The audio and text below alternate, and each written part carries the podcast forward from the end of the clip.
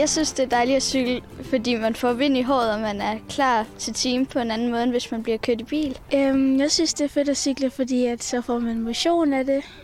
Jeg synes, det er fedt at cykle, fordi at man sådan, så vågner man ligesom, og man er klar med det samme. Jeg synes, det er fedt at cykle, fordi at, så er man ikke afhængig af, om ens forældre de kan køre en.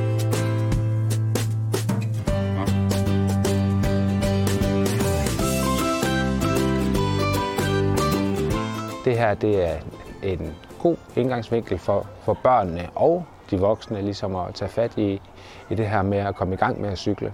Og vi som skole øh, bakker op omkring øh, den her del her. Det er faktisk en beslutning, der er truffet, at vi alle deltager i det her. Så derfor det her cykelræs.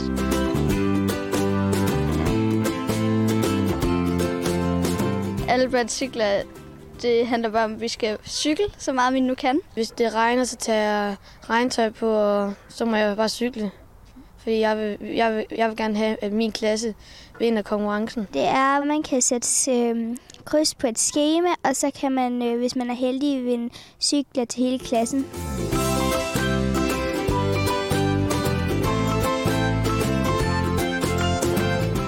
Vi bruger jo cyklingen i undervisningen i den forstand af, at vi kommer ud, og vi får øvet, og vi bliver sikre i trafikken, og vi faktisk passer på hinanden og os selv.